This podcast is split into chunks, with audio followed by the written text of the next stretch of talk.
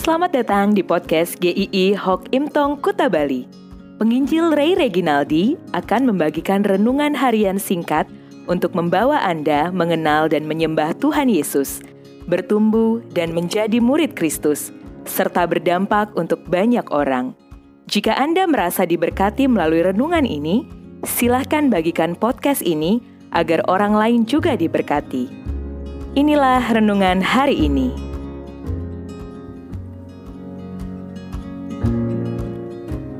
Pelajaran dari Philadelphia bagian 2 Wahyu 3 ayat 7 sampai 13 Sebuah film mengisahkan ada seorang jaksa yang hidup dengan penuh integritas. Dia akan berjuang mati-matian untuk bisa menegakkan keadilan. Tidak ada uang suap yang mau diterimanya. Tetapi saat dia berjuang terus-menerus, dia mulai semakin lelah Semakin banyak jalan yang mentok di sana-sini. Begitu banyak orang yang menjegal dan mau menjatuhkannya. Sedangkan dia melihat rekannya yang tidak jujur hidup dengan enak.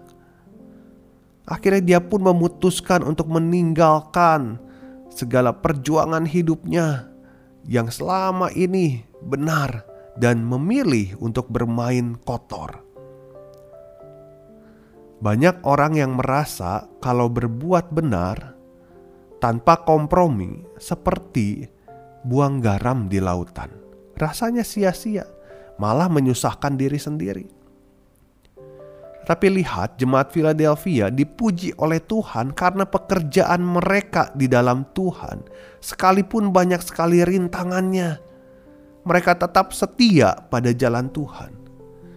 Maka Tuhan mau kita melihat bahwa pekerjaan di dalam Tuhan itu tidak pernah sia-sia.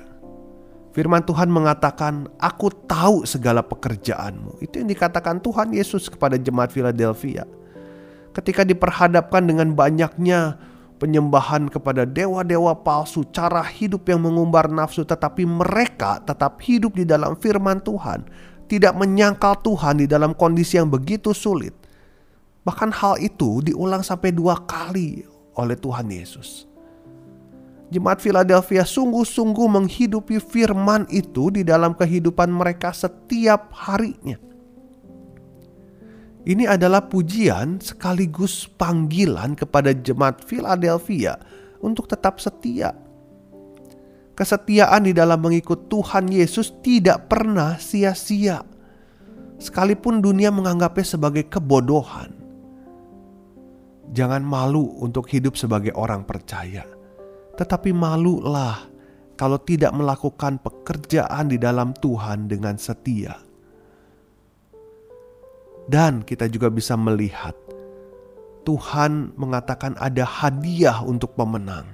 Tuhan Yesus mengatakan di ayat ke-13, barang siapa menang, ia akan kujadikan soko guru di dalam bait suci Allahku dan ia tidak akan keluar lagi dari situ dan padanya akan kutuliskan nama Allahku, nama kota Allahku, yaitu Yerusalem baru yang turun dari sorga Allahku dan namaku yang baru.